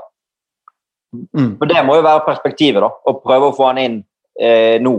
For eh, å hente Eriksen tilbake inn til sommeren klarer ikke jeg å se på som realistisk. Jeg hørte på denne eh, hva heter den podkasten, Last Word on Spurs. Der hadde de han Mm. Fabrizio Romano, han eh, transfer-guruen, og han snakket jo om det at allerede i sommer så hadde jo det vært snakk om at Eriksen var tilbudt tilbake til Tottenham etter et halvt år. da. Og det er jo litt sånn Det har jo Tottenham gjort før. Tottenham er jo Nå føler jo ikke jeg alle klubber like tett, men Klinsmann kom tilbake, Sheringham Mm. kom tilbake, Keane kom tilbake, Defoe kom tilbake. Mm. Bale er jo da kommet tilbake igjen nå. Det er ganske mange profiler som på et tidspunkt har kommet tilbake. Det er ikke så vanlig i, Kabul. eh, i Hæ? Kabul, ja. Ikke minst Chimbonda. Eh, ikke kanskje de største profilene, men, eh, men altså, en del sånne spillere som man har mistet til eh, en del av de til større klubber, sant? men så har de kommet tilbake igjen. Og jeg ville ikke hatt noen problemer med å elske Eriksen igjen. Jeg har en datter på fem år som har en Eriksen 23-drakt som hun ikke har brukt på halvannet år. Han begynner å bli litt for liten for hun nå, da. Men jeg har fått en ny datter, så kan overta den fra neste sesong. hvis han får tilbake til 23-drakten. Så jeg, jeg tror Eriksen er en av de mest fornuftige signeringene man kan gjøre. da. Det tror jeg rett og slett fordi at eh, han kjenner alt. Det er ingenting nytt der. Eh, man slipper noe tilvenning. Og han er sikkert revansjesugen også, så jeg er veldig for en eh, Eriksen neste to ukene. og hadde vært stort å kunne sitte på Deadland Day-sending og melde at Eriksen tikker inn der eh, på litt før eh, Joao Motinho-tid på overtid der på slutten.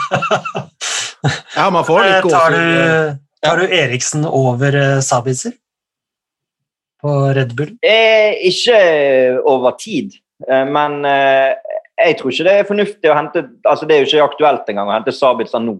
Men hvis det liksom handler om å styrke troppen januar 2021 for å gjøre et best mulig innspurt av denne sesongen, så ville jeg heller hatt Eriksen enn Sabitzer. Eriksen på lån enn Sabitzer for 50 millioner pund. Det ville jeg faktisk. Fordi at jeg tror at det å tilvenne seg en overgang fra Bundesliga er ikke ideelt å begynne å gjøre i januar. Mm. Så kan det være kontroversielt nok, men det, det ville jeg faktisk gjort. Ja.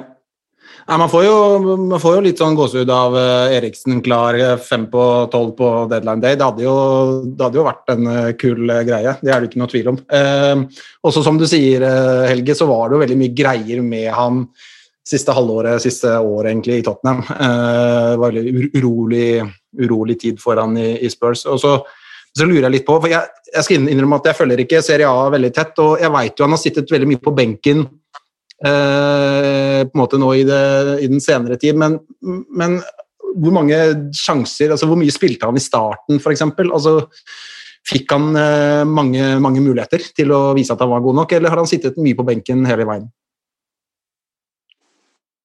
Han, eh, han har jo aldri liksom blitt noen sånn nøkkel der i det hele tatt. Altså. Det, var jo veldig rart, hele den Tilbake til 2018, da, eh, fotball-VM, så var det allerede da spekulasjoner om, om Eriksen vekk. Og da var det jo snakk om Barcelona og Real Madrid. Sant? Det var jo det man på en måte var forberedt på å miste Eriksen til. Og Så skjedde det ingenting den sesongen, og så kom Tottenham til Champions League-finalen, og så var det sånn Ok, nå blir han i hvert fall solgt. Men så ble det ingenting da heller. sant? Og så At han da skulle gå til Inter, var jo sånn Ok, hvorfor går du til Inter? Det, det var en stor klubb og et nytt kapittel og et eventyr og en presentasjonsvideo inne på operaen her og god stemning. Men, men det var jo ikke sånn at eh, det liksom så ut som noe perfect match i det hele tatt. Men eh, nei, han fikk jo liksom aldri noe tillit. eller sånn Nei. Åpenbart han fikk starte noen kamper, men det var jo aldri sånn at han gikk inn der og skulle være noen nøkkelspiller fra, fra starten av i det hele tatt. Så det er en sånn merkelig utvikling hele veien. da. Samtidig så har han vært ganske bra på landslaget.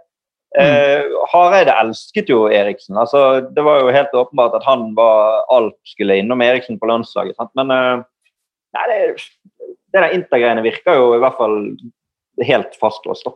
Mm. Og jeg håper heller, altså hvis- han går tilbake til Premier League, så vil det være veldig rart å se han i en annen drakt enn Tottenham-drakten. Så Det er jo også et Ja. argument for at vi må prøve å få Eriksen før noen andre gjør det. Ja, Det har ikke til og med Arsenal vært linka mot eh, Eriksen. Det, vil- det ville jo vært helt katastrofe, iallfall. Mm. Så nei, Eriksen heim, det, det hadde vært uh, strålende. Ja, men det er jo Det er vel det samme som at vi skulle signere Øzil, er det ikke? Jo. Ja. Nei, men det er, det er jo Da stemmer jo altså Hvis vi da prøver å forklare litt, da, så er det jo Det var veldig mye uroligheter rundt Eriksen siste året i Spurs, og så har han kanskje ikke fått noe særlig tillit. For jeg tror også Eriksen er en spillertype som er litt sånn avhengig av å man, Det må bygges et lag rundt han, og veldig mye skal helst innom han hvis han skal øh, være god. Eh, og det har han vel egentlig aldri fått oppleve i, i Inter. Så det er klart, hvis han kommer tilbake nå, og de klarer å finne en rolle til han som, eh, som kler han, og han blir satsa på og får spille mye og sånn, så ja, hvorfor ikke? Han, eh, det er som du sier, han har vært god for Danmark en del kamper nå, så han, eh, han kan jo fortsatt spille fotball. Det er det ikke noe tvil om. Nei, han er Det jeg ser en del om, er jo at lønna hans er et problem. Det, og det, den, den sangen har vi Nei, Livi, Livi fikser det. vet du. Men han er jo, han er jo en, han løper jo, han jobber jo. Han er jo ikke noen sånn luksusspiller som eh, selv om han er en stjerne og har vært dominerende, så er han jo en Mm. spiller som man vet at vil gjøre en god jobb sånn fysisk. Da. Så, Ja. Og så sitter det liksom Ja. Og, og sa ikke Livi òg det i den All or Nothing-serien, at, eh, at det med lønn altså De skulle matche hvem som helst der eh, hvis han ville signere en ny kontrakt. Mm. Eh, Jo, stemmer. Så, så, så, så det, det, det er akkurat det lønnsmessige tror jeg eh, de åpner, men det må jo bli en eh, avtale som gagner Tottenham. Ja. Så da konkluderer vi Christian Eriksen tilbake til Tottenham. Ja or nei? Hva sier dere? Hva sier du, Ole Andreas? Jeg Betinget jeg. Du da, Leif Konrad? Nei, jeg er veldig klar for å få Eriksen hjem igjen. Ja, Helge? Ja, jeg òg er jo det, men samtidig så sitter vi nettopp og snakker om at det ikke er plass til Dele Alli.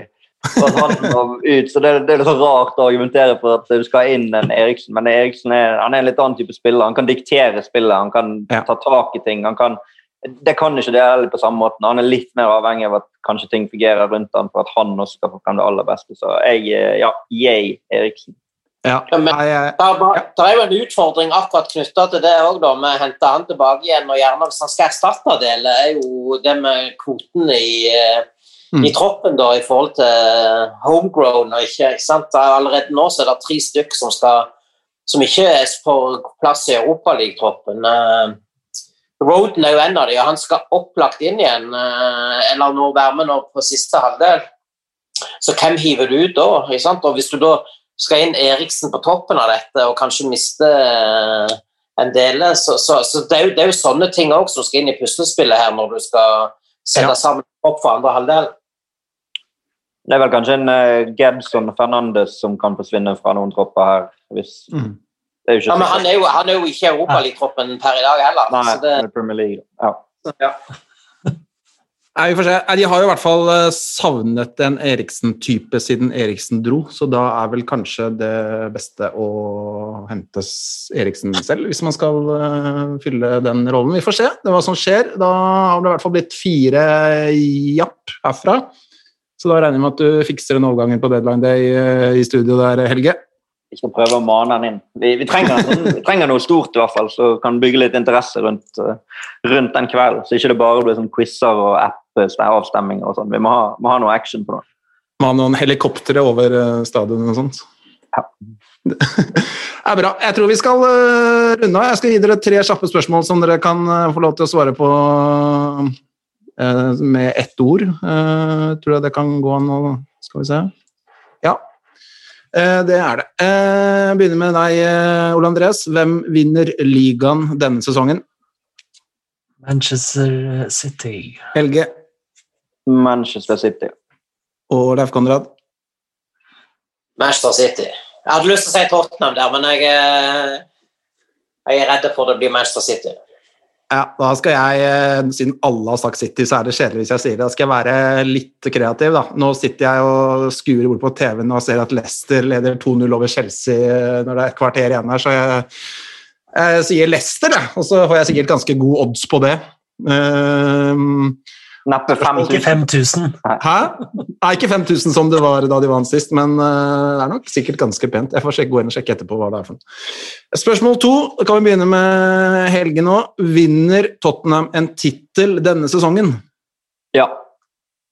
Hva sier du, Ole Andreas? Ja. Leif Konrad? Skal jeg gå mot strømmen og si nei, da? Det, det, det, ser, jo, det, ser, jo, eh, det ser jo lovende ut, da. Men det er klart at det, var jo City det verste vi kunne få i en ligacup. eh, Men, ja, men det, det, er å vinne titlene, og det er ikke enkelt, så jeg eh, Jeg får være den kjipe og si nei. Du sa nei? Ja. Ja. Ja, men da sier jeg ja, da. Så kan du være han som Den kjipe. ja. Og spørsmål tre. Hvor spiller Del Alli fotball i februar 2021? Da kan vi starte med Leif Konrad. Jeg tror han er i Tottenham. Og det er utelukkende fordi at Livi ikke vil eh, selge han. Ja. Sier du, Helge? Eller- låne han ut, for den saks skyld. Ja, det tror jeg også. Så da spiller han fotball på Tottenham Hotspur Stadium, Etihad, eh, en Wolfsberg-kamp i Østerrike, og så spiller han på London Stadium mot Westham, og mye hjemmekamper, ser jeg. Stort sett Tottenham Hotspur Stadium spiller han i februar. Ja. Hva sier du, Andreas? Jeg har meldt han ut i hver eneste pod nå, så jeg kan ikke slutte med det nå. Nei, jeg tror, jeg tror han stikker. Ja, og til hvilken by eller Eh, klubb Til eller land? eller? eh, Pochettino. Til Porcetino.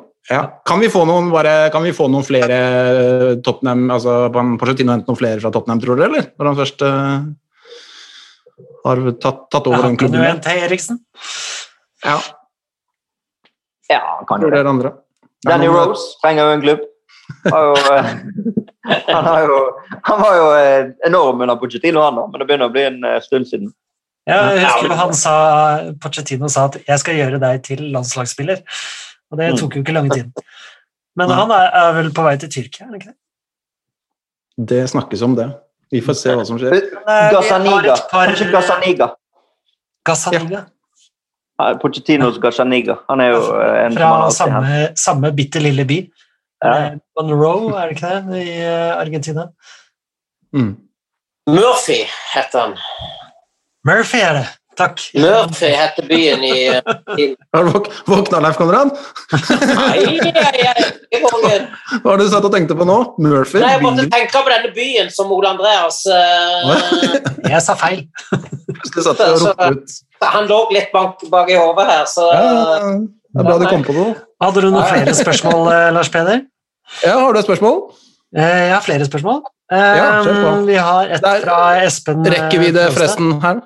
Det er fem minutter og fem. Ja, vi- vi rekker det. Ok, kjør på. Ja, greit. Eh, Topp fire og tap i ligacupfinalen, eller seier i finalen og utenfor topp fire. Starter vi med deg, Lars Peder.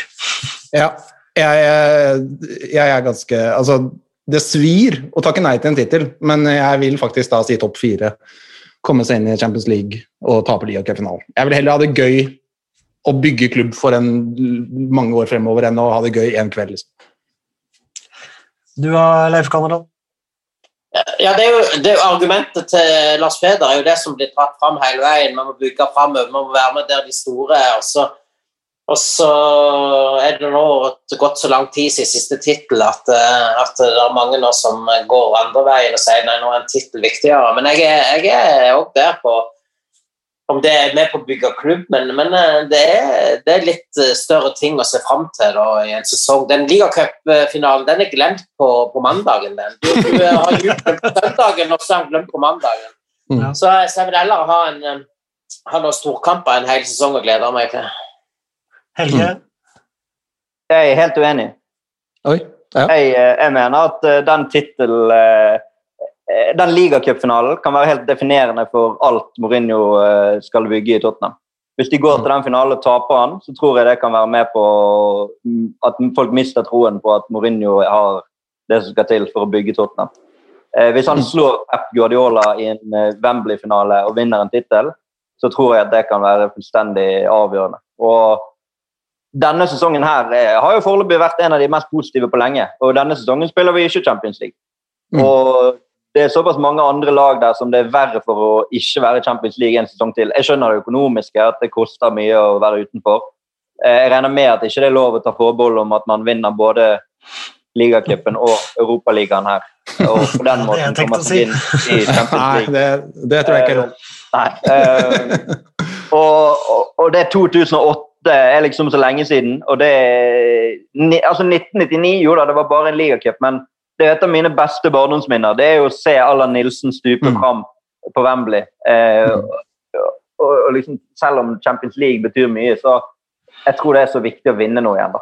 Og det, det, det, det er det som betyr noe for meg, å vinne. Jeg husker jo 2000, jeg husker jo 1999, jeg husker 2008. Og så selvfølgelig husker man at du spilte Champions League 10-11 og at du spilte Champions League noen år nå. Men en sesong til utenfor Champions League det tror jeg man klarer helt fint i en sånn utrolig merkelig sesong som det er nå. Så i hvert fall det er min mening, da. At jeg ja. tar heller den ligacupokalen. Ja, jeg Du eh, du har eh, snudd meg. Jeg gikk fra topp nesten til ligacup. Ja, jeg er i ferd med å nesten snu litt. Ja. Eh, Stian A har jo også svart eh, Espen på Twitter, og han sier topp fire. Uh, eh, også at Peder, eh, Peder Mørtvedt var eh, tidligere gjest og din kollega i TV 2. han har Ja. spurt eh, hvem er eh, quizgjesten i dine våteste drømmer? Tenker han da på, tenker han da på sånn våt, reelt sett våt drøm? Nei, altså, jeg, eh, jeg eh, det Konseptet som er på Sumo nå, er jo én spiller fra hver klubb, så der er det måte litt sånn låst. Eh, Kong Harald hadde jo vært fantastisk å ha hatt en quiz med. med. ja. Mm. Det, det, det, det, det, det, det er skje. Det tror jeg er min største Det er jo helt urealistisk, selvfølgelig, men det tror jeg er min uh, drømmegjest som Mm. quiz-deltaker. Barack Obama kanskje på andre, og så Peder sjøl på tredje, da, for å lage en pall. Og så har vi et uh, spørsmål til fra uh, Kjetil Flåten. Uh, at Tilian underscore på Twitter. Hva er din favoritt-fun fact? Så jeg det er liten tid på klokken der. Men generelt det er at Giuseppe Bergomi eh, spilte fire sluttspill i VM for Italia uten å spille en eneste VM-kvalikkamp. Det er den beste funfacten fra fotballen. Ja. Eh, og så er det det at eh, Matthew Etherington sitt navn blir til The Tottenham Winger, hvis du stiller om bokstavene i navnet hans. Er det et Det fant jeg faktisk ut. Det er et anagram for Matthew Etherington, The Tottenham Winger, og det laget jeg sjøl. Det er mine to eh, valg. De var sterke, er altså! nydelig. Oi, oi, oi, det må jeg prøve etterpå, faktisk. Hva er det siste, Ole Andreas? Vi har ett minutt og tolv sekunder igjen. Uh, nei, da er vi ferdige. Skyt inn et spørsmål til dere, da.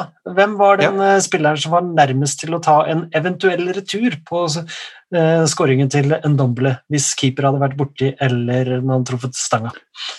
Eh, og det så jeg. Carlos Vinicius. Mm. Nei, han var ikke ute på banen, selvfølgelig. Nei, hvem var det, da? Jeg så det, men jeg husker ikke.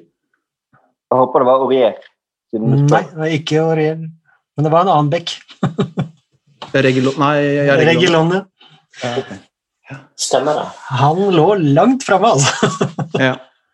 Ja. Nå er det så få sekunder igjen, eh, så ikke vi blir brutt. Tusen hjertelig takk, Helge, for at eh, du var med. Takk for at jeg fikk komme. Det var veldig gøy. Og takk til Ole Andreas og Leif Konrad. Takk til deg, Lars Peder. Takk, takk. Come on your Spurs, eh, Ole Andreas. Come on, your Spurs med Ja, vi får sette den på, eh, på, eh, på maks etterpå. For Ha det godt, alle sammen. Ved siden av soverommet her. Er. Ha det. Ha det. Ha det.